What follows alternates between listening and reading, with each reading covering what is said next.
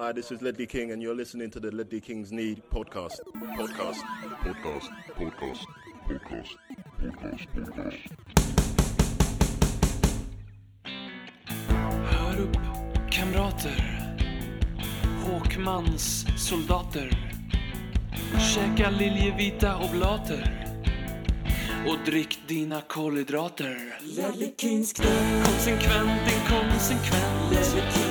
Det bästa som någonsin hänt. Du kommer aldrig bli dig själv igen, min vän. Här flödar hybrisen. När vi poddar på nytt igen. Du kommer aldrig bli dig själv Du lyssnar din eh, glada vana trogen på Lelle Kings knä, en podcast där vi följer eh, Tottenhams framgång som just nu är lika frånvarande som Stellan Skarsgårds ögonbryn. Robin heter jag och med mig från Sveriges framfall på västkusten har jag ingen mindre än den store modemogulen och falukorvskocken som eventuellt också skulle passa i en öronpiercing, nämligen eh, Jimmy Jonevret. Hallå? Har det, har det slagit dig någon gång att du eventuellt skulle passa i en öronpiercing? Alltså det här, det, det fina med att du och jag inte har känt varandra så jättelänge. Det är ju att jag har ju faktiskt haft hål i örat. Såklart. Jajamän. Det Ja, var det ju är liksom- alltså, ja. superviktig grej i, kan varit, jag ville säga 17 men jag hoppas jag inte var det. Men jag kan fan ha varit det, alltså 17, 18. Ja. Men det var, det var ju liksom ingen ring utan det var ju mer en, en stor falsk bling-bling som jag blev grön av på örat. Har du någonsin funderat också på kanske liksom eh, skaffa guldtänder? Alltså det, det, det har jag inte funderat på faktiskt. Nej, nej. Men jag, kanske men- ska, jag kommer nog göra det efter, efter du säger det. Ja, jag tror det. Det, det, det passar med din aura så att säga. Ja, det är fint. Eller ja, eller inte. Vi är eh, också med oss i form av en sorts comeback här. Eh, skulle ju mm, eh, få kanske Jesus att skaka i form av comebacknivå här. Då menar jag inte Jesus Perez utan den Jesus. Från Jesuslandet Småland. Smålands James Dean med ett efternamn som rimmar på borgarsvin. Vår man på plats i London, Robert Folin. Hallå, hallå. Fint att få vara tillbaka. Det tog lite längre tid för mig än Jesus att komma tillbaka bara. Det är väl det som är. Eller det beror på när man räknar ifrån i och för sig. Det har tagit ganska lång tid för honom sen sist han gjorde sin återkomst. Lite så. Tror du att eh, den andra Jesus kommer att s- göra en comeback i Tottenham någon gång? Jesus Perez? Nej, det tror jag nog inte. Tyvärr inte. Han var rätt sympatisk och fin ändå, lille Jesus, men... Eh, Jesus. Allan Yusuf skrev till oss här och undrar ifall eh, det är någon av oss som ska gå på Spurs Norwich. Det är väl bäst day det träffar. Nu vet jag inte vad alla andra har för planer, men det är ju typ om ett par veckor här tror jag. Slut på januari någon gång. Ska du dit? eh, det beror lite på när den är. Ja, är den i slutet på januari så kommer jag nog gå. 22 tror jag det var. Okej, 20, ja, men det, det låter väl inte osannolikt. Det är ju dessutom en match där vi kanske till och med kan vinna, så det är ju extra kul att gå. Ja. Kanske. Men, men, precis, jag tänkte säga det. Med betoning på kanske. Med stark reservation. Om vi ska bara ha en vanligt förekommande fråga.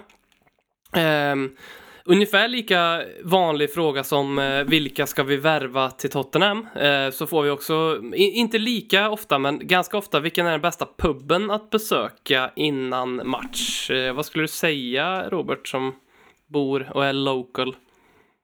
Och ha liksom att sitta inne på alla svaren. Ehm, ja, just nu så går jag mycket på eh, ehm, Beehive som ligger ganska nära Tottenham Hale, eh, den stationen. Mm. Eh, Jag tycker den är, den den är väldigt bra på sommaren också, eller på våren när det är bra väder. För de har en stor fin uteservering också.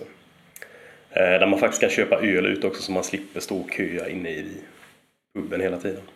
Tidigare så var jag mycket på, eh, på eh, vad heter den?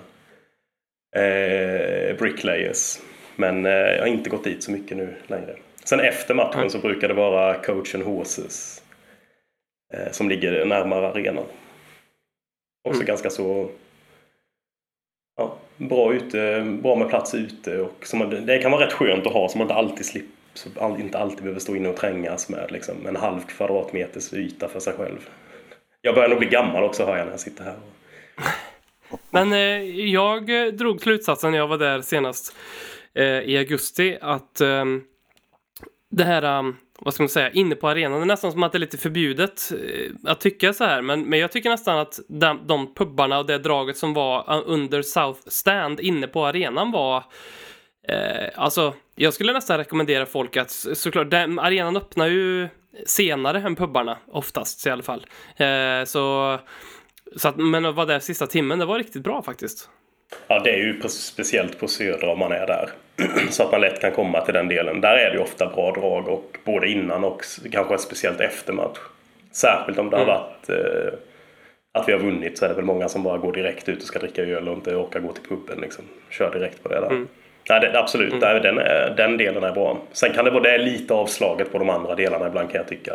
Men jag tror det beror väldigt mycket på var man, var man hamnar på arenan också. Norra är nog ganska dött till exempel. Det är många Botta-fans där. Och, och en hel del familjeplatser och så. Det är väl många där som bara sticker direkt efter. Eller till och med sticker lite i för, förtid för att slippa trafiken. Mm. Det var en av frågorna vi faktiskt fick till dagens podd från Mille Dybro. Han undrar vart han ska sitta på nya arenan när han åker eh, över här framöver. Och då är väl det, det bästa svaret South, eller? Alltså, Ja, jag hade, vill han ha lite stäm... Det är ju där det är mest sång och så också. Och där man faktiskt kan stå upp på en, del, en hel del av eh, områdena. Eh, så om det är det han vill ha så skulle jag rekommendera Södra. Men inte för högt upp kanske för då kommer du in lite i de här dyrare platserna. Och där, alltså de säsongsbiljetterna som kostar lite mer och det inte är riktigt lika bra drag där uppe. Så South Lower skulle jag säga om det för det. Och om, det inte, om han vill se bättre kanske, kanske betala lite mer för att sitta, alltså så man ser matchen ännu bättre. Det gör man förvisso ganska bra överallt där inne men då skulle jag nog säga Ös- East Upper kanske. mm, bra tips. Bra med man på plats.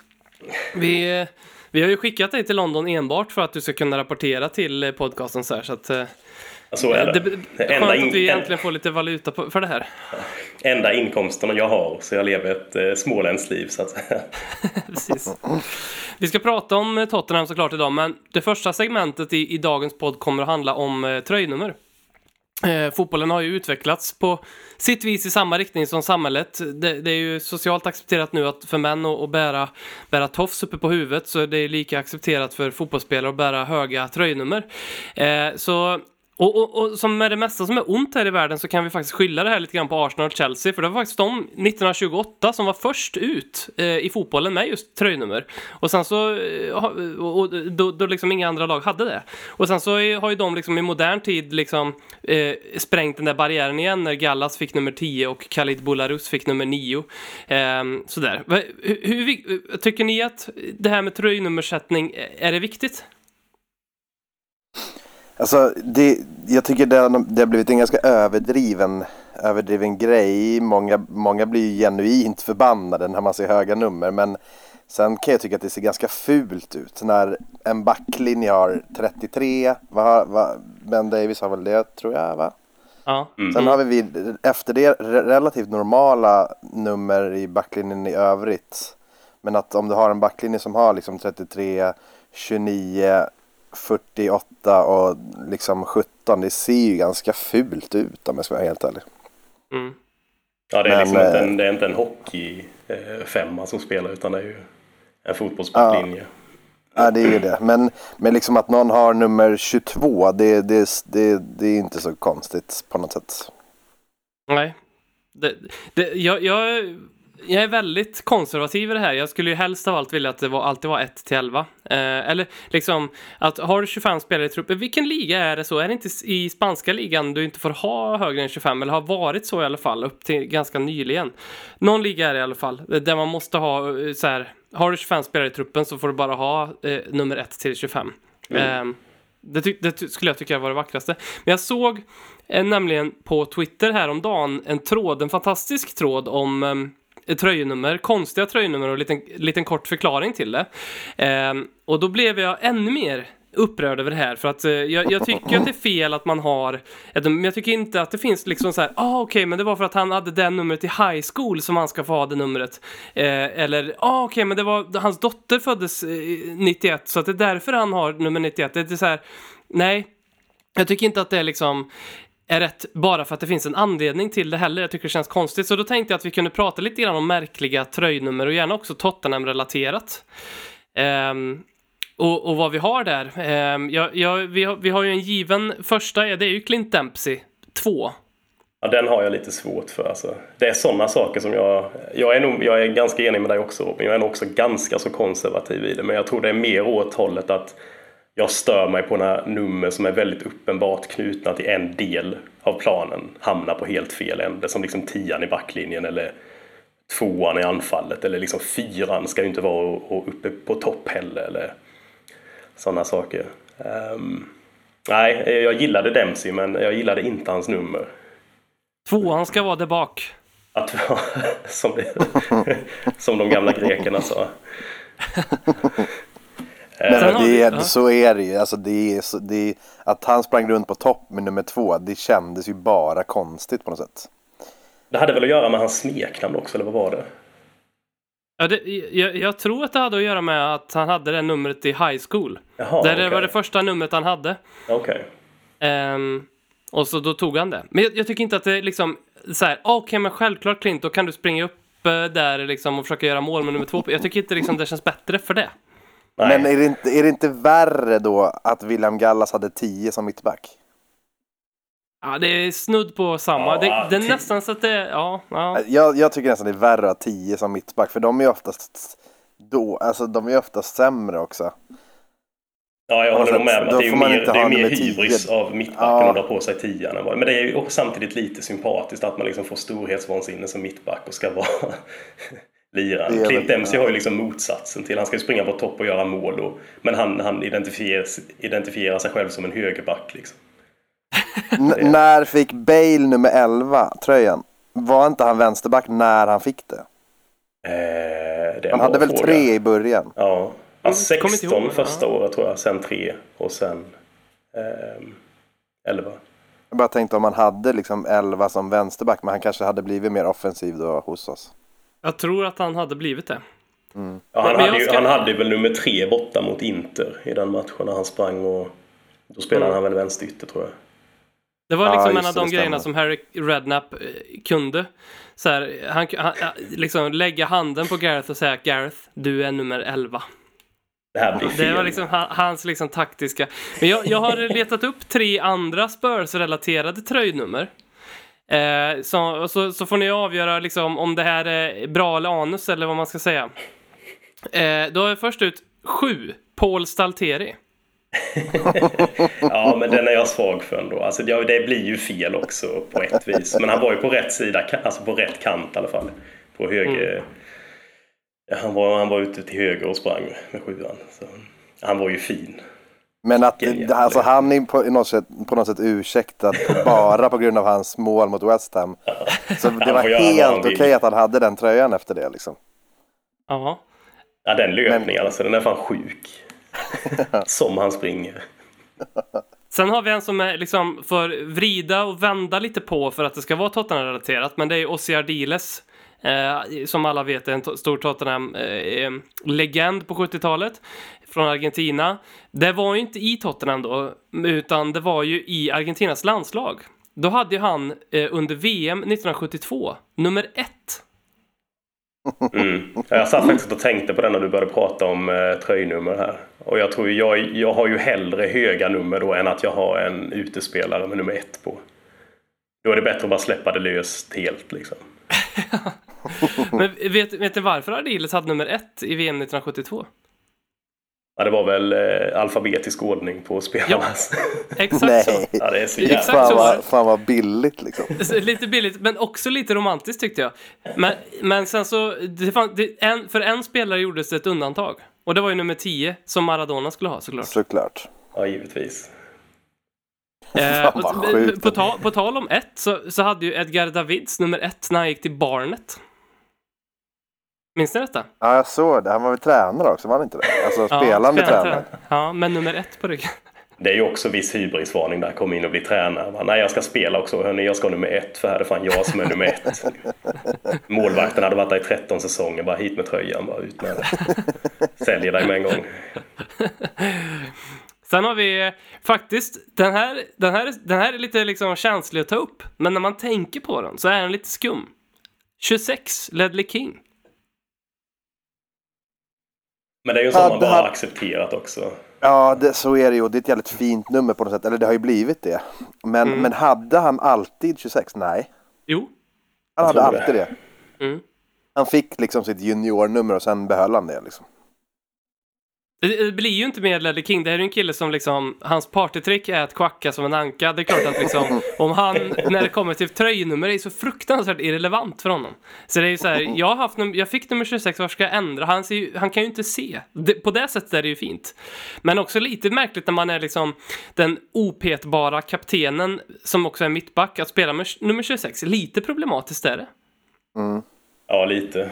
Eh, Och sen att John Terry gjorde samma grej ju också, eller hade samma Ja. nummer det. ju- Ja, det känns inte det, bra. det kanske behövdes lite balans där på något vis. En god kapten med nummer 26 och en ond kapten med nummer 26. Exakt. Eh, sen så funderar jag på, är det någon sedan Ledley King som har haft nummer 26? Så jag vet att det, det pratades om att man skulle pensionera den tröjan, men jag tror inte det gjordes. Men vad jag kan minnas är det ingen som har burit den sedan Ledley King. Nej, inte vad jag kan komma på heller. Nej, jag kan inte heller tänka på dem. Alltså. Hade man inte lagt märke till det om det hade varit så, tänker Ja, jag. och det hade Eller- eller hur? För det är väl egentligen det enda numret som är förknippat med, alltså självklart liksom, säger du David Ginola så tänker alla på 14. Men sen när Hossam Ghali hade nummer 14 i Tottenham var det inte någon som bara app, app, app, det där är Ginolas nummer. Men däremot skulle vem som helst nu ta 26 så skulle man ju Ja. liksom, ah, ah, det är Ledley Kings nummer. Det är egentligen det enda numret i Tottenham som är lite så, lite känsligt så att säga. Hur jobbigt hade det varit om Adebayor slet på sig 26an? Väldigt. ja. Men angående nummer varit- 14 där, det, eller vad- förlåt, vad, vad var frågan? Nej, nej, eh, eh, nej, en- det finns inget annat nummer som, eh, som, som är liksom eh, heligt eller som man ska säga för, för, i Tottenham än 26. Ja, Jag är ju svag för nummer 14. Jag vill ju gärna, men det är ju delvis på grund av Ginola då. Och sen när jag var väldigt liten så valde jag att tröja nummer 14 av någon anledning också. Jag vet faktiskt inte varför. Eh, och sen när Luka Modric kom och hade 14 så blev den också... så- Men den har ju dragits med en del inte så, eh, så heta spelare som Nkodo och Hossam Ghali och eh, Clinton. Nu är, det väl, nu är det väl ingen som har nummer 14 va, tror jag inte. Jag tänkte precis, jag satt där och tänkte på vem fan är det som har nummer 14 nu, men det är väl ingen som har det. Den jag kanske också har blivit pensionerad på grund av att det bara går skit för de som har den. Ändra så blir de världens bästa fotbollsspelare eller så, eh, så går det bara skit. Men, Bara eh, det att Clinton och NKDO hade den i Ja, sig det- ju något alltså. Det var, det var hårda år där faktiskt. Bland det märkligaste som har hänt i modern Spurs-tid tycker jag att vi liksom både värvade Clinton NG och George Enkodu. Det är väl som att vi liksom, vi gick på samma misstag två gånger. Och sen så, alltså, Lucas Mora, jag såg en tweet om det här om dagen. Om inte, alltså, som är lite rolig och lite träffande är det ju att tar man bort målet på, som Mora gjorde på Ajax så är ju Lucas Mora en, en, den tredje successionen Enkodu och NG. Jag satt och, och tänkte det, men han skulle kunna haft tröja nummer 14 också. Nästan. Verkligen. Fast är inte det lite hårt mot Jo, li, lite, lite hårt är det Lite men- hårt är det. Lite hårt är det. Måste försvara han lite i alla fall. Fast fan, inte långt ifrån, men lite. Har ni något annat eh, kring tröjnummer ni... Jag har alltid, jag har, eh, inte på grund av Ben Davis nu, men tröja 33 hade inte Jürgen Klinsmann det. Andra vändan Jo. han kom till Tottenham, när han kom på lån mitt i säsongen. Jo, hade han. Och det minns jag att jag tänkte på när jag, jag tror det var Football Manager 2008 eller 9 kanske. Som jag köpte Rafael van der Fart i Tottenham och då gav jag honom nummer 33 bara för att eh, Jürgen Klinsmann eh, hade den, det, det numret en gång. Det fanns ju säkert andra bättre nummer jag kunde ha gett till honom. Men, eh, så av den anledningen tycker jag eh, tröja 33 är, är lite speciell ändå. Lite helig. Ja, Men är det, är, det inte, just det. är det inte ganska töntigt att så här, jag vill ha nummer tre, men den är upptagen så jag tar 33. jag går och funderar på sådana Det är grejer lite det jag ibland. menar. Alltså hur, hur spelarna har valt tröjnumren. Att det kan ju vara så att jag fick inte tröja nummer 9 så jag valde nummer 18 för då är 1 plus 8 9 och sådana grejer. Ja, Var det det Defoe tänkte? kanske var det. Mycket möjligt. Harry Kane hade ju, Klinsmann hade ju också 18. Mm. Eh, Det är ju, men eh, ja. Nej, nej, det jag har svårt för det. Jag är inte övertygad. Jag tycker att eh, man blir tilldelad ett nummer och eh, är man inte inköpt som 10 eller 9 eller växer fram till det som Bale gjorde då till 11 eller så, så, så tar man nästa lediga i, i successionsordningen och så är liksom nummer, vad blir det, nummer 12 och nummer 23 eller vad fan det är, det är målvaktströjenummer och sen så liksom fylls det bara på. Det, det är min, min hållning i det här. Eh, och, den, den är orubblig.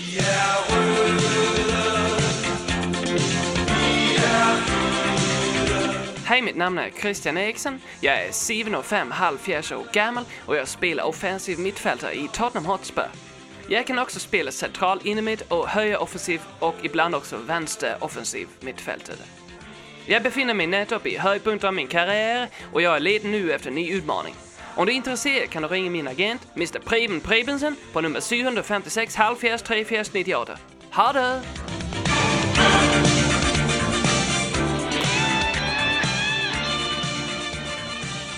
Jag har ju spelat lite fotboll här senaste tiden tyvärr. Eh, tre matcher jag tänkte vi skulle slänga ihop i ett segment, eh, prata lite mer övergripande om. Det är ju en 2-2 mot Norwich, en 0-1 mot Southampton och en 1-1 mot Middlesbrough. Det är så dåligt så att eh, jag, jag saknar ord för hur dåligt det är, de resultaten.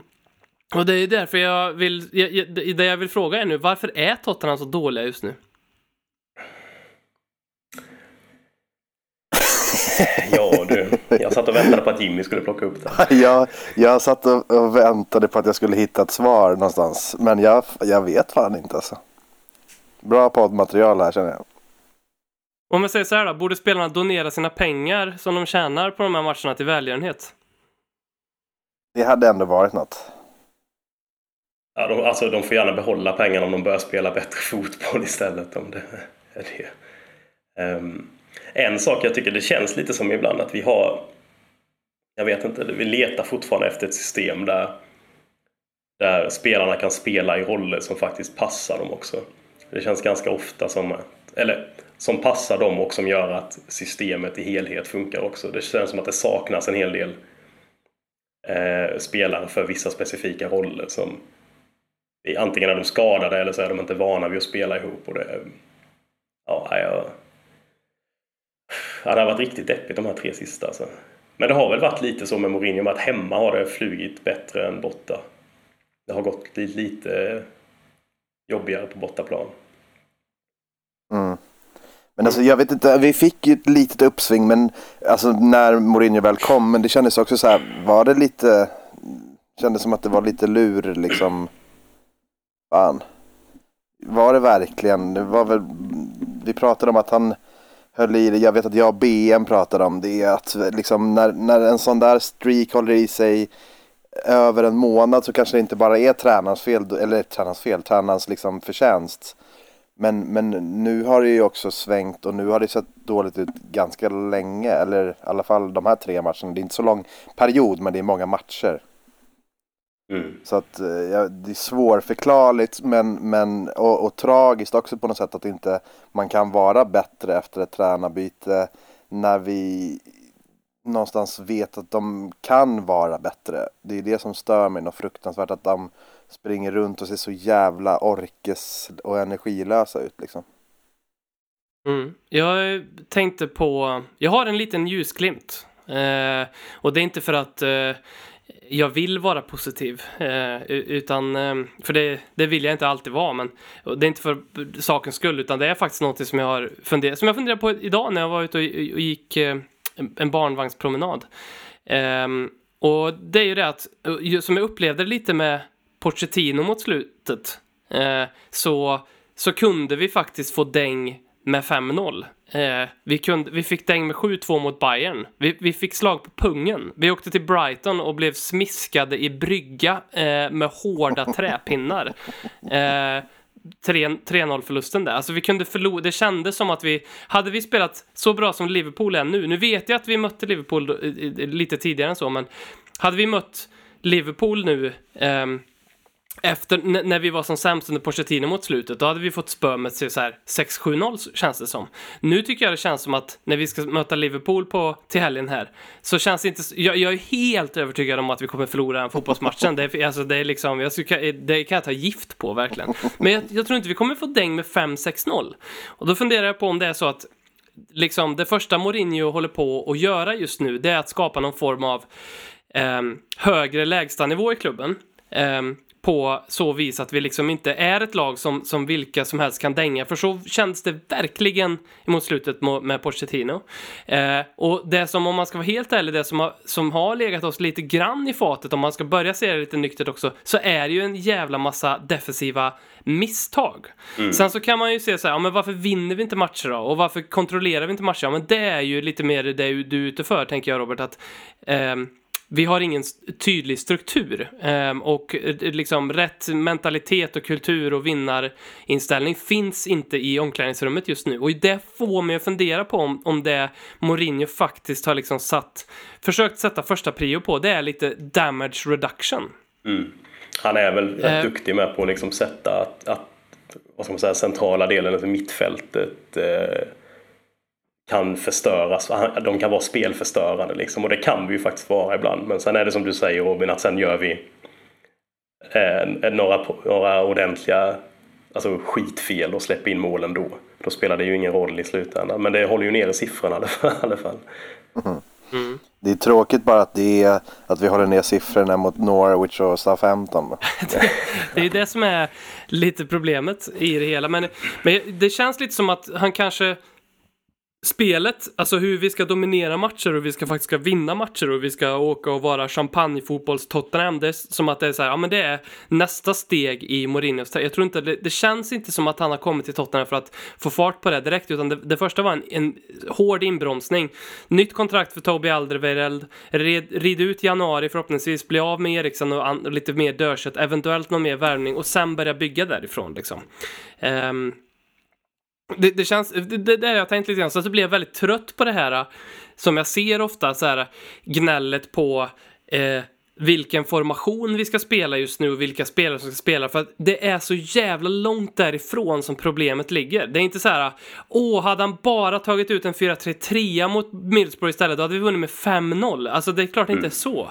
Eh, det laget som går ut mot Middlesbrough och det laget som går ut mot Southampton och det laget som går ut mot Norwich, de ska vinna den här matchen. De ska vinna den om, om de så ställer upp med liksom en 2-3-5 uppställning. Alltså det, det, det skulle de kunna göra, men det, problemet är ju i spelarnas huvud och i kulturen och, och att inte det finns ett jävla anamma just nu. Det som jag ser det liksom, där problemet är. Ehm, och inte i v- v- någon jävla uppställning hit eller dit liksom. Nej, Det, nej, är, det är alltså, det, där, det är verkligen helt, helt rätt alltså. Man kan bli så jävla trött på folk som skriver det. Hur kan vi starta med han? Eller hur kan vi, precis som du säger, att det, det, blir, så jävla, det blir så jävla lätt att se de problemen liksom. Det spelar, det spelar egentligen inte så jävla stor roll om vi har Eriksen eller Lo Celso. Det är liksom, vi ska ju vinna i alla fall. Nu är det mer provocerande att Eriksen spelar och det är det många blir förbannade på också. Men det är ju inte det som gör att alla andra tio spelar dåligt. Liksom, bara för att Eriksen spelar där. De skiter väl lite i det liksom. Mm. Att det är större problem än att bara ta ut rätt elva eller ställa upp i rätt formation liksom. Mm. Mm. Vad, vad var er reaktion? Hur reagerade ni när Lucas Mora och Toby Alderweireld twittrade ut lite så här semipositiva bilder och texter på sociala medier efter att vi hade kryssat 1-1 mot Middlesbrough? Ja, det var riktigt märkligt. Lukas, vad fan var det han sa? Det var något att det här kallar vi för... Teamwork. Alltså vad fan. Du har nickat in ett... Ja, alltså det var väl en bra nick, men alltså vad fan håller Middlesbrough på med där?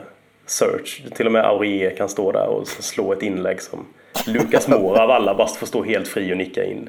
Det är borta mot Middlesbrough. Liksom, du har inte, Teamwork. det är inte Camp Nou det här du har varit och plockat en poäng på. Eller Nej. är det så att det, är liksom, det här är det vi ska liksom, eh, förlika oss med nu? Att det här, det här vi tycker är bra nu. Nu får, nu får ni fan 1-1 borta mot Borough för fan. Nu blir det till match och se. Kul! Ja, vad var det Harry Redknapp sa en gång för många år sedan? This is as good as it gets. När, vi, när eh, Tottenham-fansen var lite arga för att vi kanske inte skulle vinna ligan den säsongen. Ja, just det.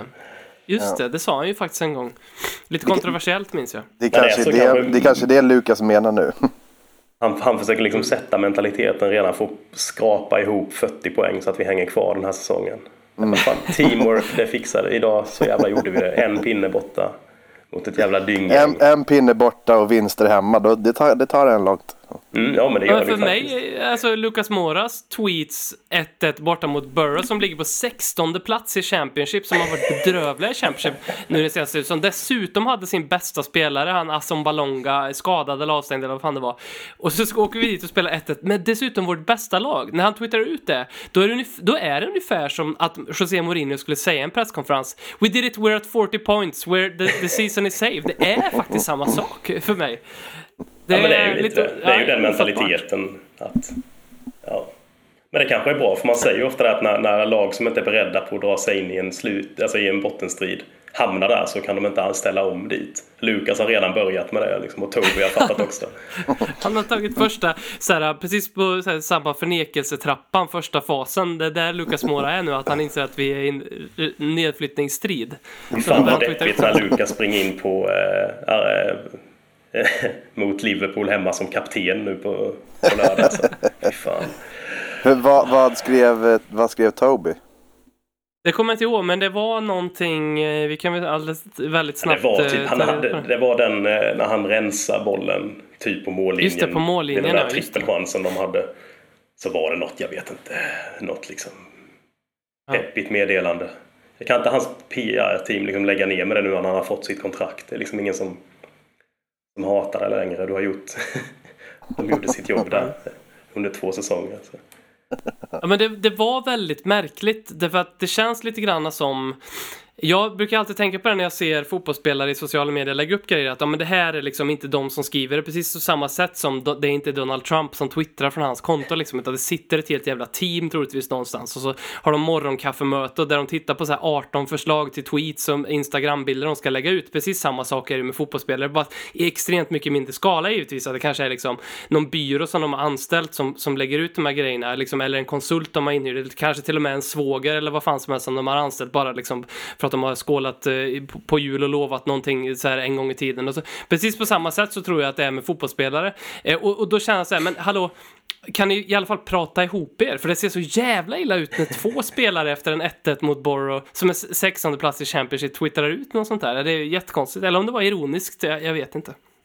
Jag har ju svårt att tänka mig att, att liksom Kane hade gått...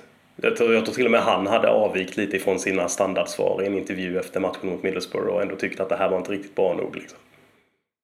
Mm. Men är så det, är det så att de måste? Alltså kan det, kan det vara något att- som ingår i något kontrakt? Typ att de liksom måste skriva lite då och då att hej, skön vinst, tre poäng, vi fortsätter eller har vi förlust, we go again eller vad fan de nu skriver. Ja, det, det, troligtvis är det ju så. Måste det, ju vara det, så, liksom. Det, det man kan tänka är att, inte mot klubben skulle jag tro, utan snarare i så fall mot någon form av agent liksom. Som, eh, det, alltså agentfirmorna vill ju till varje pris ha de bästa fotbollsspelarna i sitt stall så att de kan liksom eh, förhandla åt dem och sådana saker. Men, men om det är någonting de vill ha gengäld, för jag kan tänka mig som agent inte liksom, var, vecka ut och vecka in kan man inte stå och säga så här, spela bra nu, spela bra nu liksom, utan då får de säga, men lägg ut en liten post kanske. Jag skickar, jag fixar, jag köper några bilder som är tagna efter matchen, så kan du lägga ut dem och skriv typ någonting sånt här. Ehm, så, det, det har jag nämnt i podden förut, men det är ju någon fotbollsspelare, jag glömt bort vem det var. Jag tror att det kan ha varit Carlton Cole, men det känns fel. Men det är någon sån fotbollsspelare som en gång twittrade ut eh, en bild och så en text som så här, skriv någonting i stil med att det var en skön seger. Det var det han skrev. Han, bara, han hade ju bara kopierat det som han hade fått från någon. Jag tycker det är fantastiskt.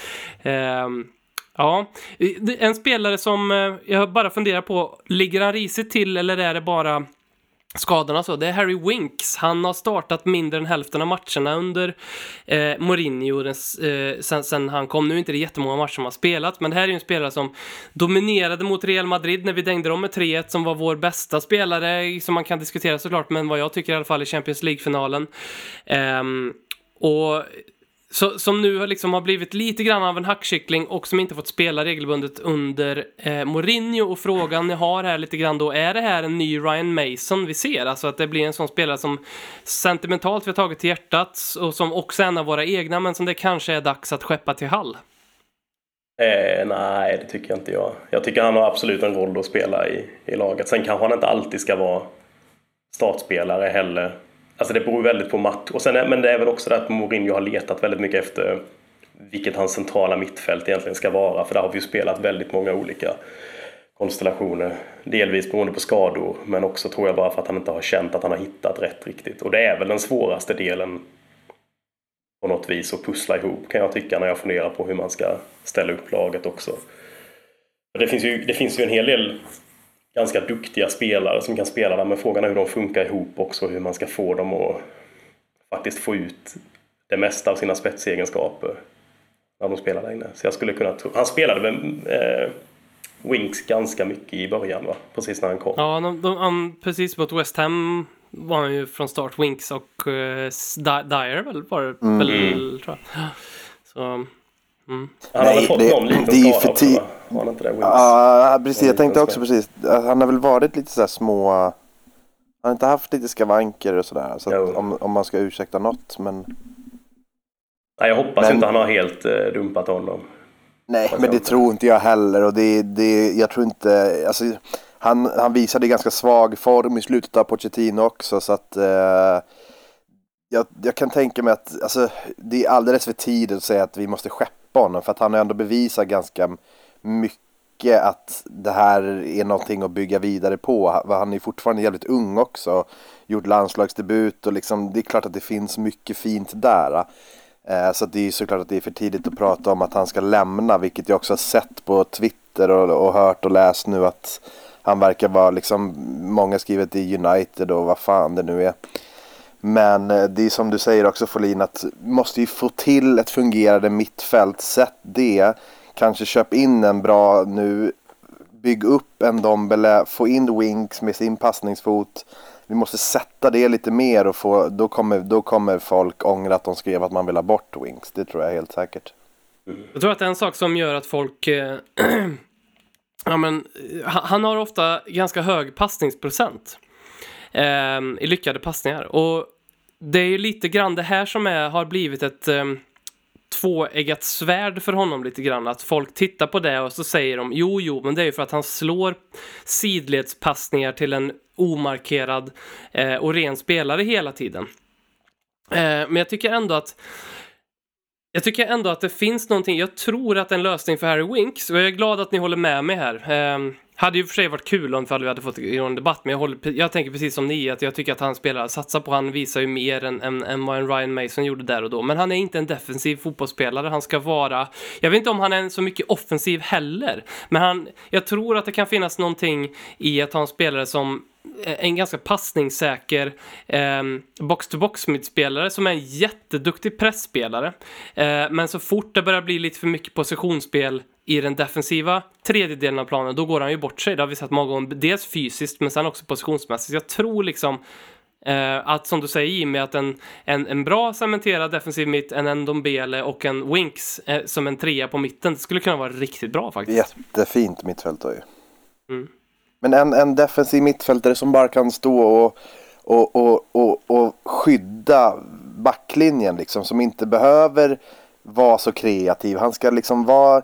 Alltså, eh, eh Moussa Dembele var ju så fantastisk för han gick ju inte att ta bollen han gjorde ju ibland vad han ville liksom. Men han var ju också enorm i, i dueller och vann boll och, och sådär. Och, och, det finns ju inte riktigt nu. Man vill ju att en Dombele ska vara det, men han är ju också väldigt kreativ så att tror vi, be vi behöver ju ha in en som, som kan ta den rollen. För som du säger, en till mittfältare, en Dombele och Winks. Fantastiskt fint inne mittfält ju.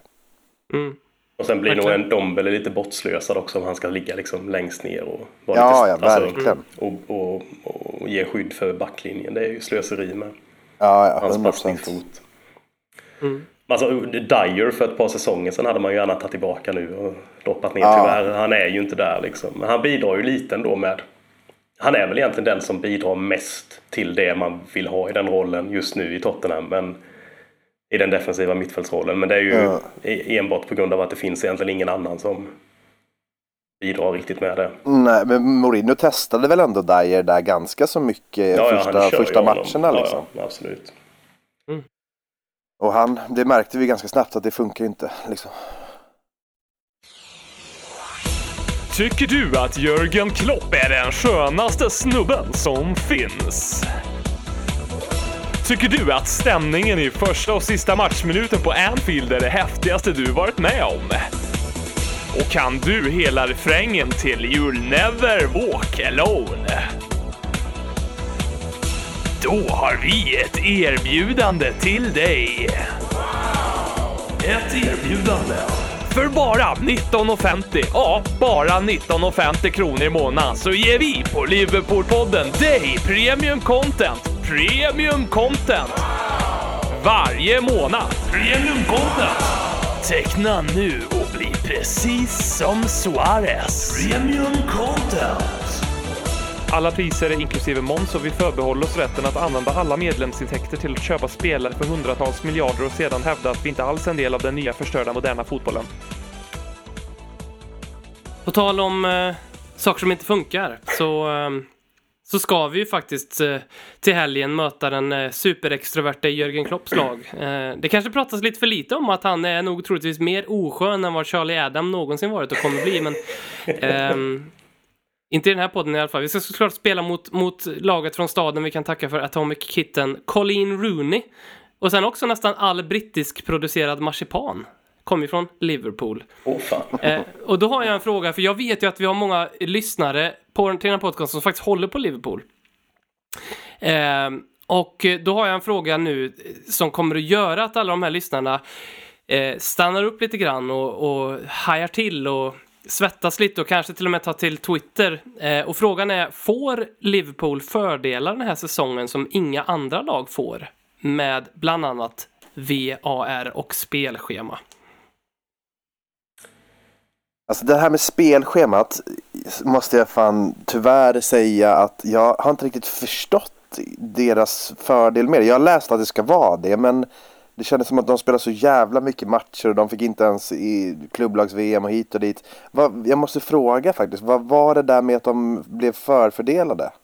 Nej, jag har inte heller Det hade väl något att göra med mm, typ mängden tid de fick vila mellan matcherna runt jul eller något sånt där. Att City fick Ja, var- vila mm, mycket De- mindre än City. Eller De mycket fick mindre vila, men mm, en del mindre. De fick vila mest och sen så fick de möta lagen som vilade minst. Var det inte så liknande förra året också för Liverpool? Minns ej. Jag har för mig att det var det. Förlåt om det är de lyssnar, alltså Liverpool-lyssnarna nu, men jag har för mig att det var så förra året också. Så nu blev man nedskjuten här. Men är det så så är det klart att det är, då är det klart att det är en fördel. Det är väl bara, det är bara facit. Det är inte något att diskutera tycker jag. Ja, det är klart att det är en fördel, men finns det fog för att, om vi tar på oss foliehatten här, och säga att det faktiskt är eh, någon eh, som har slickat sig runt munnen och gått in och petat lite där för att ge Liverpool den fördelen. Det vill säga, har de, en, har de liksom ett... Har, finns det en agenda som, som ska få Liverpool att vinna Premier League i, i den här säsongen? Ah, jag, tror nog, jag tror nog tyvärr inte det. Tyvärr inte jag heller faktiskt. Alltså, det känns som att de skulle kunna spela tio matcher på tio dagar och vinna av de tio matcherna Ja, ungefär. de är ju hopplöst bra nu. Ja. Det är ju det som är lite, alltså det känns som att, alltså det spelar, hade ju fan inte spelat någon roll om de hade planerat för att det skulle vara upplagt på bästa möjliga sätt för att de skulle vinna nu. För de hade ju ändå varit, de var väl typ 10 poäng före alla andra redan innan jul, alltså matcherna nu i december. Så de har egentligen bara, ja, hållit uppe den sjukt höga nivån de har. Det är riktigt jobbigt alltså. Det är det. Det, är- det är hemskt att se, men jag kan också på något sätt gilla han som går in och petar i det också. Det är härligt att leta lite sådär så att det blir lite... Men det, jag läste en ganska intressant artikel om det där. Eh, därför att i, i grund och botten är det ju så att allt lottas. Eh, såklart, med, med, med, med, spelscheman och sådana saker. Men sen så blir det alltid korrigeringar som har att göra med att vissa matcher hamnar på samma dag. Man vill till exempel inte ha att Tottenham spelar på hemmaplan samma dag som Arsenal gör det. Så till exempel eftersom att då, de som sitter på Emirates störs så, så mycket av ljudet som kommer från, från Tottenham. Eh, så stör upplevelsen för dem. Nej men eh, så av uppenbara skäl. Så då flyttar man, då går man ofta in och petar i det. Och sen så fanns det ju, inför den här säsongen så började man med fredagsmatcher och då var, valde man ju ut vissa matcher. Men den här passar bra på en fredag för att den har, liksom, vi, vi, det, jag tror inte att Norwich borta mot Crystal Palace har varit en fredagsmatch den här säsongen. Nu, Om det, är någon, om det är så så har jag väl fel, men jag tror inte att den typen av match blir liksom en fredagsmatch. Så. Och sen så kommer ju andra saker som fa cup eh, lottning och Champions League-lottning som gör att man måste peta i det och där måste ju en människa gå in och peta och där finns det alltid liksom någon som tar ett beslut. Men jag, jag måste hålla med er om lite grann att jag tror att eh, jag tror att Liverpool hade ledat, den, lett den här ligan eh, med minst lika mycket. Eh, kanske inte lika mycket, men, men utan den fördelen. Och sen så, men det jag tycker har blivit väldigt typiskt för den här säsongen, eh, det är ju att eh, Liverpool-fansen i sig, de har blivit väldigt, väldigt butthurt med det här eh, med att alla vill att de inte ska vinna ligan. Eh, för, för det finns ju en konspiration teori lanserad om det här att spelschemat är riggat och var är riggat i Liverpools fördel sådär. Eh, som, som vissa idioter hoppar på. Och det här tar ju Liverpool-fansen så otroligt hårt. Eh, och det är väl antagligen för att de inte har lett en liga på ja, 30 år eller vad det är. I och för sig, de har tappat två ligor ganska nyligen, men, men de har inte haft den här framgången, så att de, de vet inte hur det är. Men när man är där uppe i toppen då är det precis det här man får. Då får man ju en massa skit. Ja, men det är, liksom, det är därför vi har jantelagen i Sverige. Därför att de som är högst uppe på toppen och skriker högst och, och spelar bäst, de kommer få en massa sån här skit. Så därför tycker jag lite grann att i, det är jättelöjligt alla de här teorierna med att VAR ska vara speciellt fördelaktigt eller spelschema ska vara speciellt fördelaktigt åt, åt just Liverpool eller att till och med media skulle vara speciellt fördelaktigt åt Liverpool sådär. Men det är ännu löjligare med Liverpool-fansen som tar illa upp med andra fans som påtalar det här. Ja men det är väl lite det som kommer, det som du säger, att ligger man där uppe så kommer ju sånt här. Och det hör väl liksom mm. till, det vill man väl ha på något vis också. Vill man inte det? Att om man är bäst så ska folk hata en lite. Alltså det känner jag, det är väl en rimlig reaktion liksom, på att du får mer skit när du är när det går bra för dig än när det går dåligt för dig. Det är väl ingen som liksom vill in och sparka på någon som ligger ner redan. Liksom. Det, det, är ju lite trött att sådär hoppa på Norwich. Bara, fy fan vad, vad dåliga ni ja, är. Liksom. Precis. Det är ju roligare att försöka hitta grejer kring dem som det går riktigt bra för att försöka sätta käppar i. Alltså försöka få dem att tvivla på att det de gör är så bra. Mm. Liksom, nu, har, nu har jag, jag har aldrig upplevt det men jag tänker att om, om jag hade varit i den sitsen att och jag kommer, eller vi kommer förmodligen aldrig att uppleva det heller, men hade vi ledat på Premier League med 13 poäng, då känner jag så här, fan, hoppa på mig då, liksom, det skiter väl jag i, ni är ju ändå värdelösa och tagit lite den. Nu, de blir ju på riktigt förbannade och irriterade och griniga typ. Det är det jag tycker verkar så jävla undligt. Ja men lite så är det ju faktiskt. Alltså det, det, är väldigt lätt för oss att säga för vi, som du säger, vi kommer aldrig komma dit troligtvis. Eh, eh, och, och, vi har inte varit där heller i vår, eh, i modern tid om man säger så då. Men, men det är ju det, det var ju lite som Peter Hyllman la ut en, en eh, artikel här för ett tag sedan om just det här. där han faktiskt, han är ju Manchester United-fan så det gör ju det här väldigt mycket värre såklart. Men där han sa, ty, på uppriktigt tyckte att Liverpool får lite mästarfördelar och det hade man ju som Liverpool-supporter bara kunnat skratta åt, men det blev mm. ett jävla drev. Det var ju den mest klickade artikeln på Fotbollskanalens hemsida liksom. Och då väljer ju de faktiskt att ta på sig offerkoftan i det här läget. Tyvärr alla Liverpool-fans. Så att, eh, tur att ni lyssnar på Ledder Kings knä så att ni kan få frälsas lite till att bli bättre människor. Ja, vilka vill ni helst vinner ligan? City eller Liverpool? Ja, alltså nu är det väl inte realistiskt att City vinner den. Jag hade väl hellre tagit att de vinner den igen. um, men jag har ändå lite kommit... Jag gör jag också det nämligen. Jag, ja. jag vill verkligen inte att Liverpool ska vinna. Jag vet, det är oljepengarna sitter hit och dit och bla bla bla. Men det är något med de där jävla Liverpool-fansen. Alltså fy fan. De är så ja, jävla fast... griniga och jobbiga. Ja, för det jobbiga med Liverpool nu är ju att de har ju egentligen bara gjort Alltså de har ju gjort det jävligt bra under ett par säsonger nu och det är det som är resultatet nu. Mm. City kan du ju på något vis, alltså även om City till stor del består av spelare de har köpt för ganska länge sedan. Det är ju inte så att de köper ett helt nytt lag varje år som bara går in och vinner det heller. Men det, där mm. kan man ju ursäkta deras framgångar med, eller bortförklara dem med att det var pengarna. Det går Exakt. ju inte riktigt att säga om Liverpool, så det gör ju det jobbigare. Ja, det blir jobbigare på många plan. Sen undrar jag inte ja, Klopp det... här något heller. Han är jobbig bara. För jag var ändå faktiskt lite förvånad efter Champions League när Liverpool vann det förra säsongen att de inte var att det inte var värre då från dem än vad det var. Men det kanske bara jag som hade tur och undvek mycket av det. Men jag tyckte inte alls man såg speciellt mycket hånfulla grejer från dem då. Jag trodde nästan att alltså, de skulle vara helt, vad säger man, full of themselves. Eh, efter Ja, men det var lite, jag tror det var lite för att de var såna extremt stora favoriter. De tog ut den Champions League-vinsten lite grann i förskott för att de skulle möta oss faktiskt. Mm. Eh, det är bara att titta på Ja men eh, vad hände det året de torskade mot Real liksom? Ja men det var ju petition to spela om hela jävla finalen. Alltså det var ju såna grejer. Så att jag tror att hade de, mött, Re- hade de mött Real Madrid och vunnit, då hade, jag tror det hade lå- låtit lite annorlunda faktiskt. Mm, ja, det var det inte då 100%. när Ramos medvetet dödade Mo Salah också? Jo, det var ju det. Det var ju det. Det överfallet vi, vi alla minns. När, när, alltså hur känner ni just nu för att eh, Tottenham ska spela mot Liverpool till helgen? Ja, jag ska ju antagligen gå på matchen också så det känns ju inte jättekul får jag lov att säga.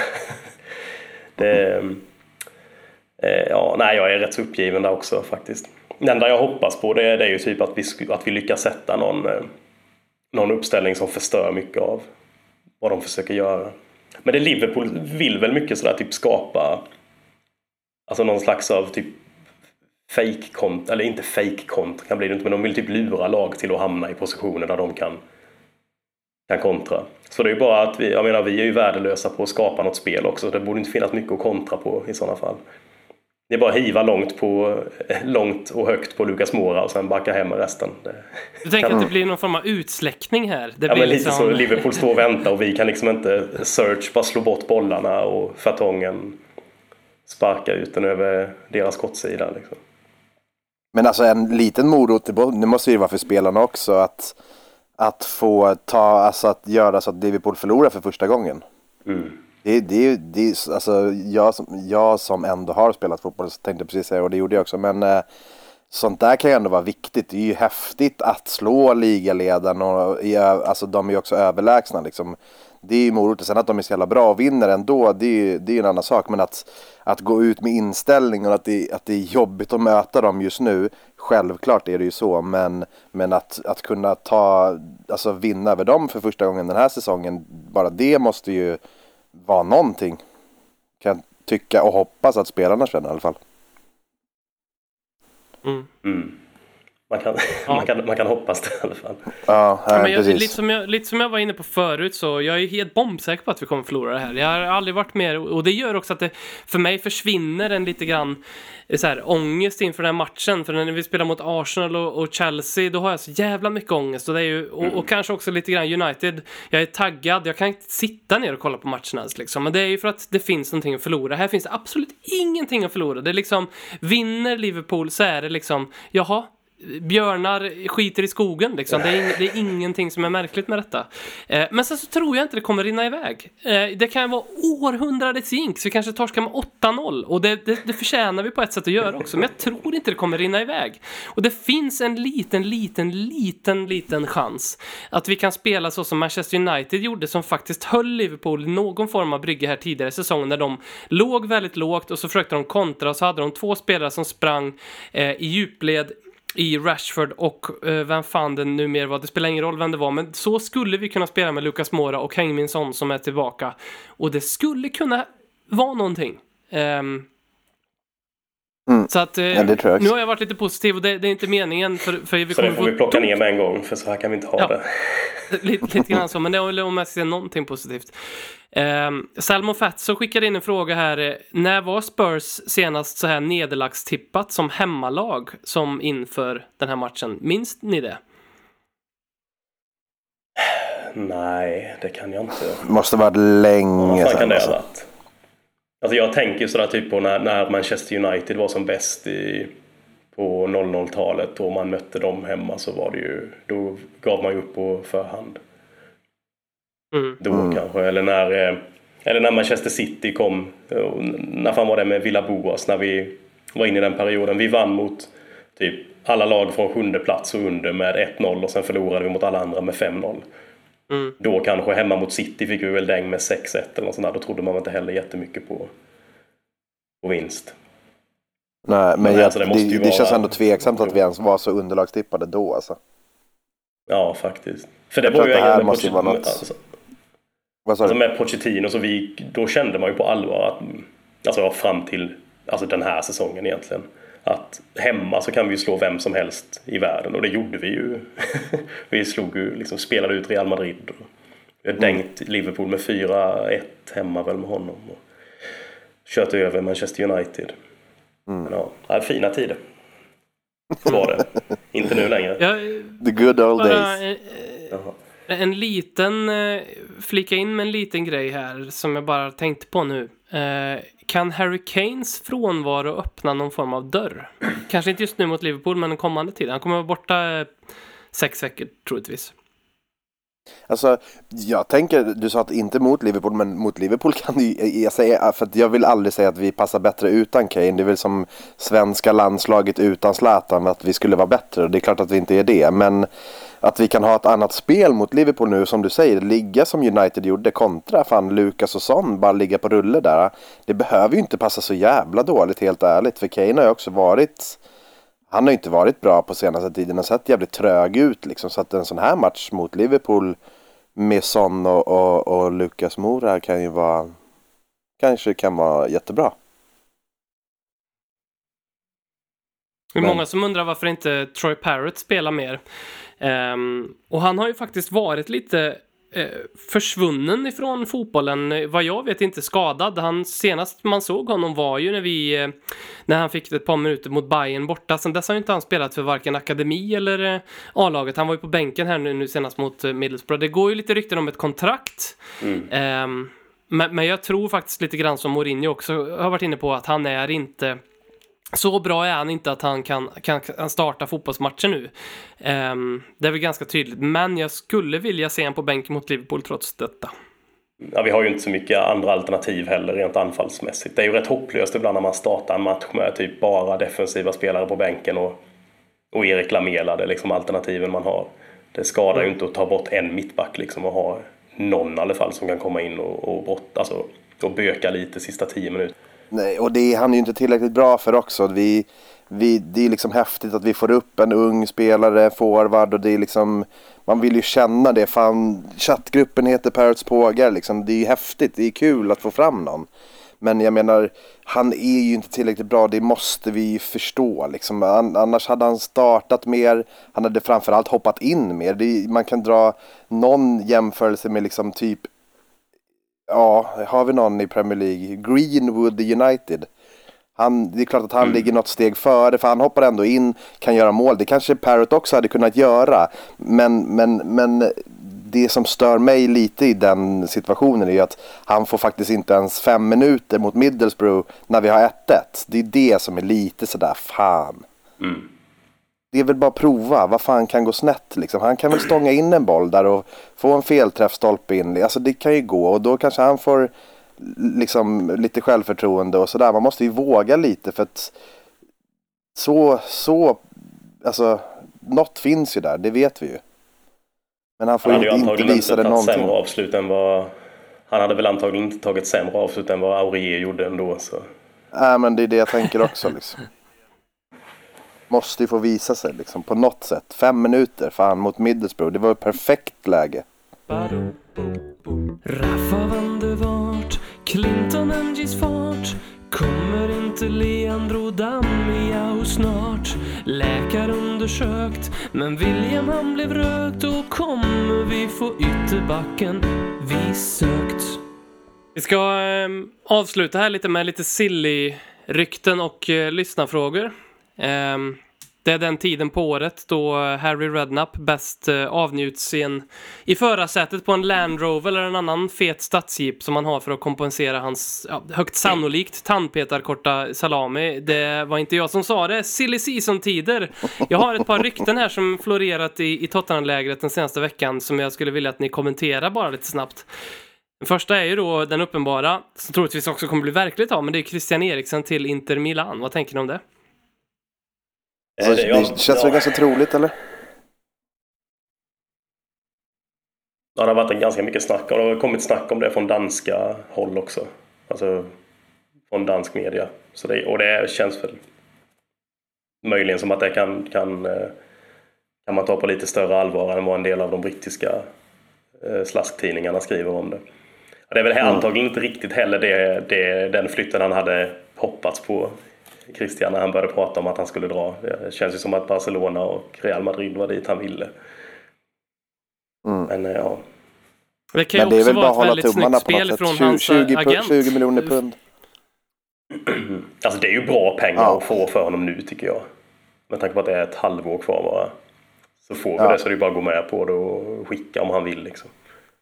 Ja. Det kan, det, det kan ju vara ett jävligt snyggt spel från hans agent också för att uh, inte är intresserad och så bara ut med det i alla jävla medier som finns för att Real Madrid och Barcelona ska tänka okej, då får vi väl punga upp nu då istället för att vänta och ta han uh, när han är free transfer. Det, det, det, det, någonting där kan ju finnas också liksom.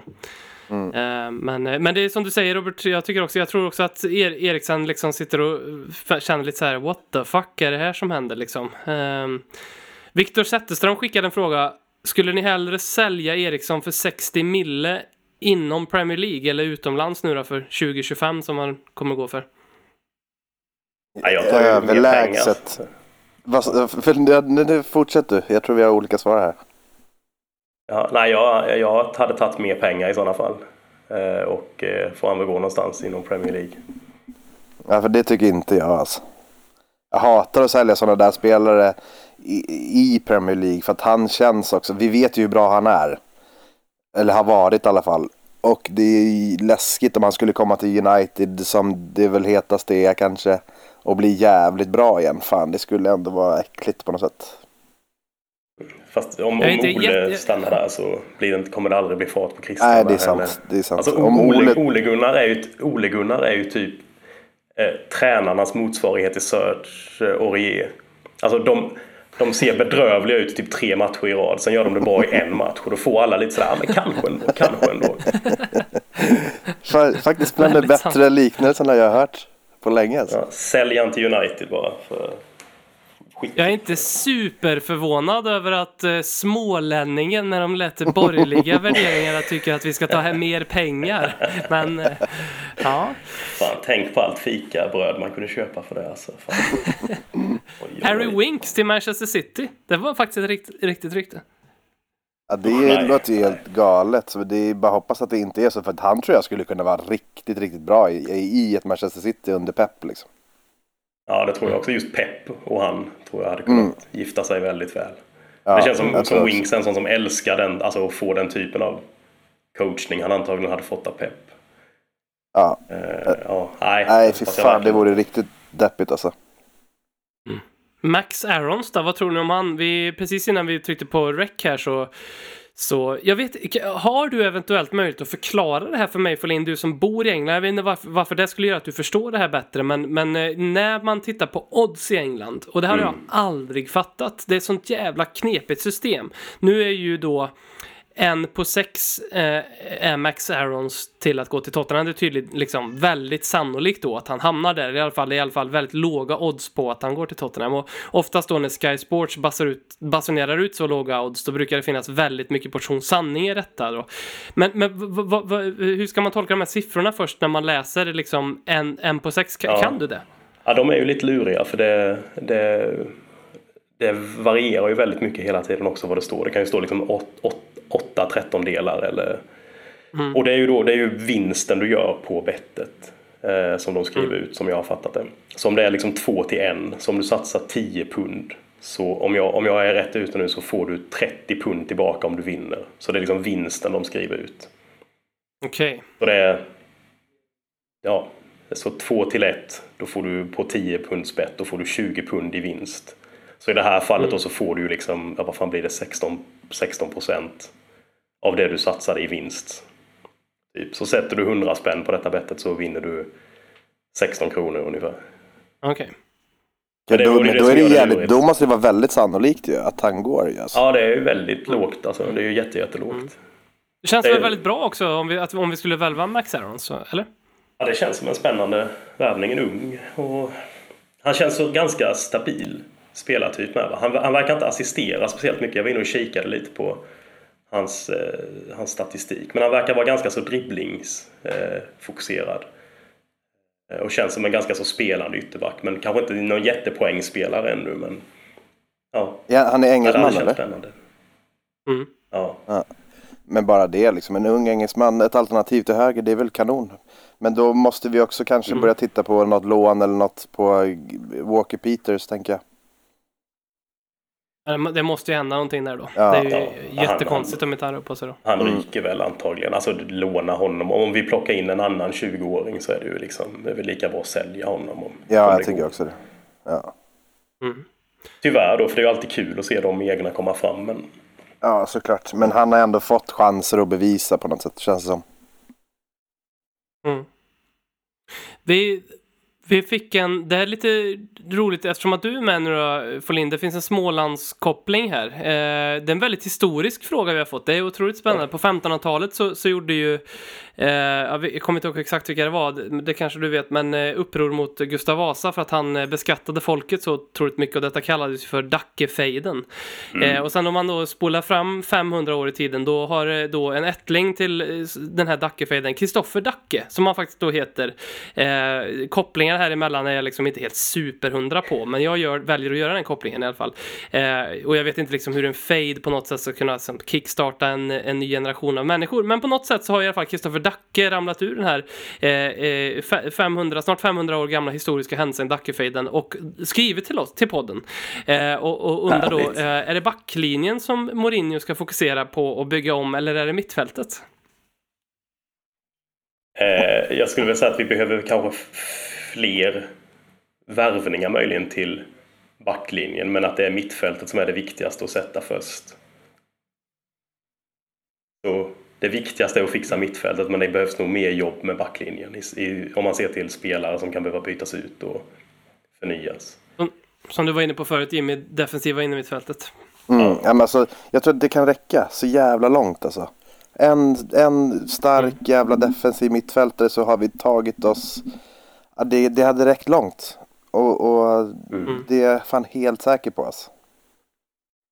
Alltså en defensiv tycker- mittfältare och en högerback hade ju varit ett fantastiskt fönster nu. Nu tror jag inte det kommer hända men ja. Nej, men jag skulle vilja ha, man vill, vill man inte ha en ny vänsterback också? Inte det nästan, jag tycker många fokuserar på den här högerbacken och det är klart Haurieri som han är liksom, men vad fan, nu spelar vi med Vertongen som vänsterback liksom.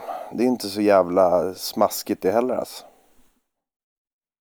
Jag, jag tror vi kommer behöva förstärka vänsterbacksplatsen, men jag tror vi kommer väldigt långt på de här två positionerna nu i januari och sen så kommer ju garanterat någonting hända i sommar på vänsterbacksplatsen för Vertongen är för gammal för att spela där, Davis är helt kompetent för att spela där, man får alltid en bra insats men man får inte så mycket mer än det och sen så Danny Rose level eh, verkar ju inte vara speciellt populär eh, hos Mourinho.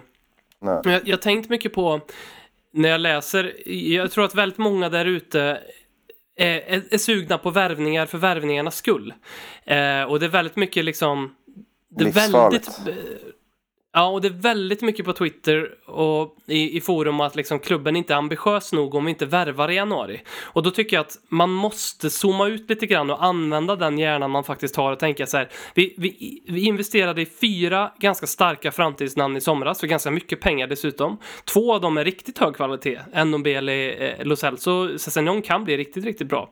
Vi har investerat i en ny arena. Vi har anställt José Mourinho som är en av liksom de mest framgångsrika managers i modern tid.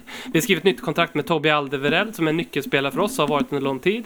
Och vi har en av, sen ett par år då, en av Europas främsta träningsanläggningar. Så, så att anklaga klubben om vi inte köper några spelare i januari för att inte vara ambitiösa, det tycker jag är så jävla bottenlöst kortsiktigt tänkt. Um, och bara för att inte vi är Chelsea och City, Liverpool, United och har de förutsättningarna. Så vi, vi, kan, inte- vi kan inte göra de sakerna och jag tror att alla som har följt Tottenham en tid borde ha snappat upp, eller jag tycker att alla borde ha snappat upp att det är inte så vi, vi eh, går ut och raggar liksom. Vi, vi, vi springer inte fram till den snyggaste tjejen och säger tja, jag kan köpa alla drinkar i baren, vilken vill du ha? Utan vi får leta ett tag och så får vi se den som är sugen på kanske, ja, någon liten blanddricka men som kan bli riktigt trevlig sen liksom. Det är så vi jobbar. Ehm, eller? Ja, alltså, jag, frågar eh, smålänningen i rummet hur vi billigast kan få tag i sprit. Det är så, det är så vi handlar. apropå det där med att panikvärva och sådär, det är ju att man har sett att eh, det här med att Boateng skulle vara aktuell nu från Bayern München, liksom, om någon jävla värvning i panik så är det ju den liksom. Och där är man ju så här, Ja. fan, håll i pengarna då och lägg det på, nu har det ju varit med, i och med Koulibaly och det där, nu säger jag inte att vi ska spara pengarna till han för det blir nog svårt ändå, men Boateng liksom, för fan. Kom igen nu, han var bra för tio år sedan typ. Men jag tror också att mycket av den frustrationen som finns hos folk är på grund av att det finns ett sånt jävla track record av att inte värva det som behövs under liksom 10-15 år kanske. Att det har funnits lägen där, alltså om vi gör något nu så bäddar det väldigt bra för framtiden och då har det inte gjorts. Jag tror det är det som har liksom, det kan jag känna själv att man, att man, man ganska ofta tänker på liksom vad, om Pochettino hade fått. För jag, jag, jag, tror verkligen på att Pochettino ville värva mer spelare under de senaste tre fönstren. Eh, och, och sen även om man går tillbaka till liksom när Harry Redknapp var här och vi var med i vi var fan med i toppstriden under, alltså vi var verkligen med i januari och då värvade vi Ryan Nelson och Louis Zaha liksom. Det, ja. Men jag håller ju med också om att i somras, där hände det ju faktiskt grejer och att eh, och faktiskt i somras när jag tänker själv tillbaka på hur truppen var då, för nu är det ganska lätt att se att liksom den här truppen är inte bra nog och spelarna börjar bli för gamla och så vi behöver ändra på saker. Men i somras inför säsongen så kände jag att det här är ju en jävla kanontrupp vi har. Fy fan vad bra det här kan bli. Och sen har det ju blivit helt fel så det är ju jävligt lätt att sitta också i. Men det har ju blivit uppenbart att något skulle gjorts för kanske två, börjat göras för två säsonger sedan. Men mm. att det inte har skett. Så där tycker jag bara det är fair att ge kritik till det. Men det, jag håller ju också med om att att köpa sex halvdugliga spelare nu bara för att man ska köpa något det är ju också vansinne. Mm. Det, är många, det låter ju på många håll liksom att vi ska sälja av hela jävla laget nu. Ja. Och det tycker jag är så jävla patetiskt kortsiktigt tänkt vad lite man har tänkt efter då. För som du säger Folin, innan den här säsongen, vi hade en jättestark, jag kände exakt samma sak. Mm. Och det är inte där problemet ligger. Vi skulle ju såklart få ett helt annat lag om vi sålde av alla och köpte in alla, men vi skulle få extremt mycket andra problem. Men det som behövs är ju kanske förstärka ett par positioner där vi verkligen blöder. Och sen är det att jobba med strukturen och ordningen och jävlar anamma i klubben. Sen så skulle jag bara bara vilja säga att jag skulle vilja, bara för att det skulle vara ganska kul att få in Jerome Boateng. Därför att det skulle vara extremt roligt om José Mourinho sa Are you Jerome Boateng or are you Jerome Boatengs brother? för, för då skulle vi få så här broderbingo i Tottenham. Ja, det är fint. Det skulle vara fantastiskt. Eh, broderbingo och vi skulle kunna, vi har ju haft lite broderbingo, vi, hade, vi har ju han eh, Ah, vad, um, vad fan heter de? I en ung, uh, nu har jag tappat namnet här. Maghoma. Uh, de har vi haft i, i, akademin. Där har vi haft bröder. Och sen så var det ju nära att vi fick Steve Sessignon. Då hade vi kunnat mm. haft broderbingo. Uh, men nu kan vi verkligen få broderbingo. Så alltså, den anledningen skulle jag, skulle jag vilja ha uh, båda tänkt lite grann. Ja, ja, gör ett starkt argument för honom. Ja, ja absolut. jag, får, jag får ändra mig här också då, tänker jag. Boateng in med nummer 26, säger vi. Ja, det oj, vet oj, jag fan om jag skulle gå med på bara. Han kan ta 14 eh, så länge. Om man eh, gillar Tottenham och är, har lite rim och reson eh, så kan man skriva till oss så får man tillträde till den fantastiska chattgruppen Parrots Pågar där man aldrig, som, som garanterar på ett sätt att man aldrig känner sig eh, ensam med sina svåra tankar om, om livet och Tottenham och framförallt sin frustration på matchdagar. Och från Parrots pågar har vi också hämtat väldigt mycket av eh, underlaget och frågorna till dagens podd. Så att det, blir inte jättemycket, det blir inte jättemycket lyssnarfrågor här i slutet för mycket har vi vävt in eh, med eh, det som önskas där Men jag tänker ändå att vi ska plocka upp någonting här.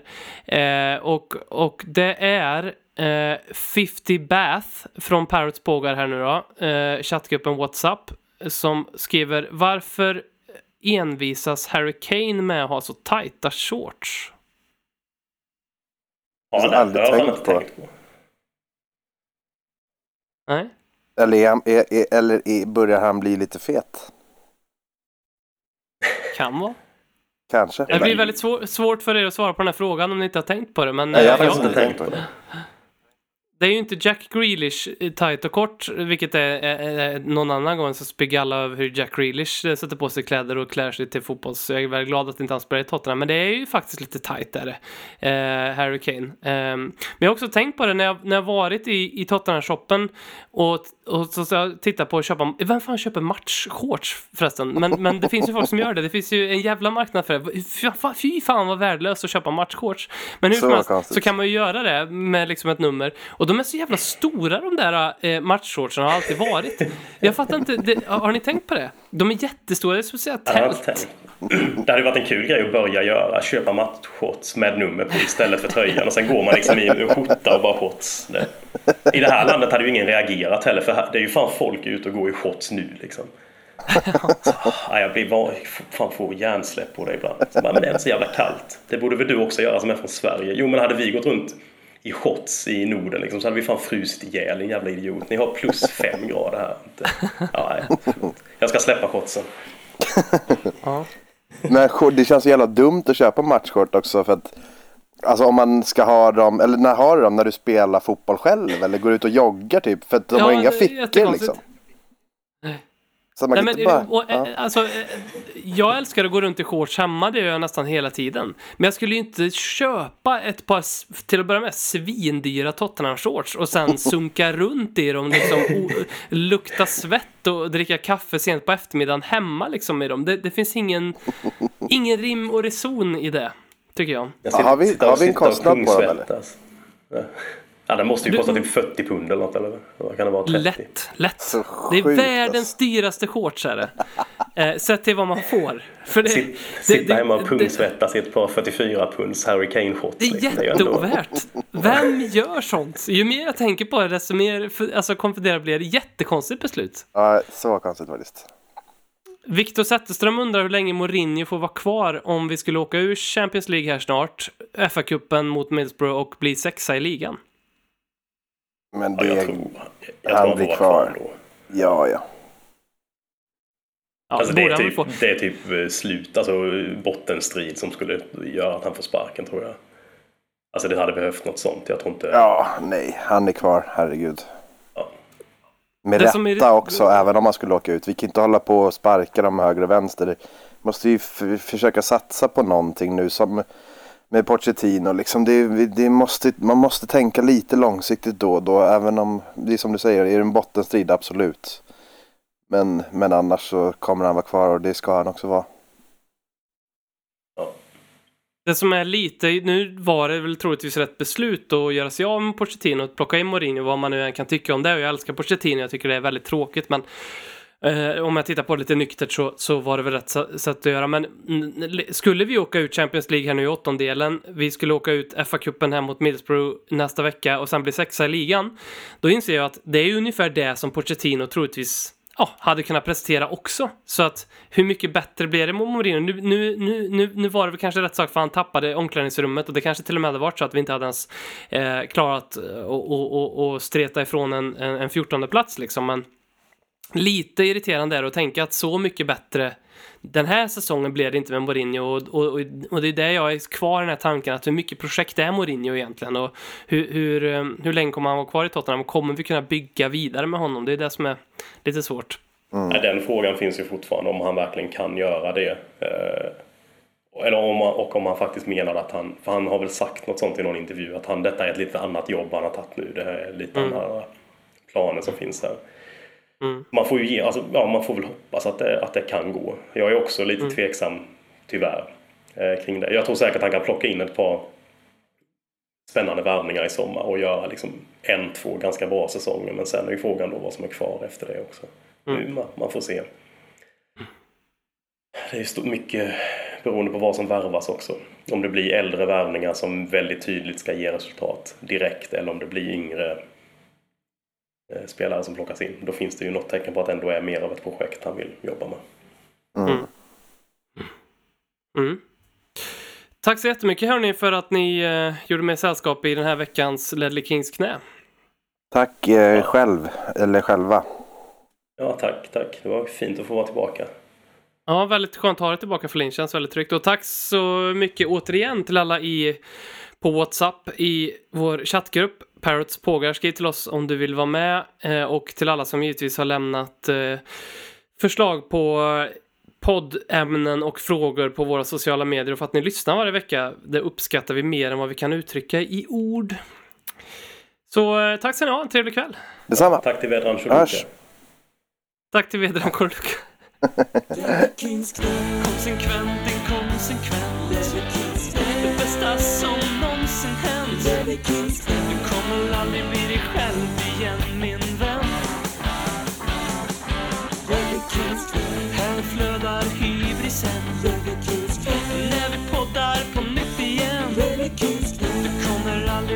När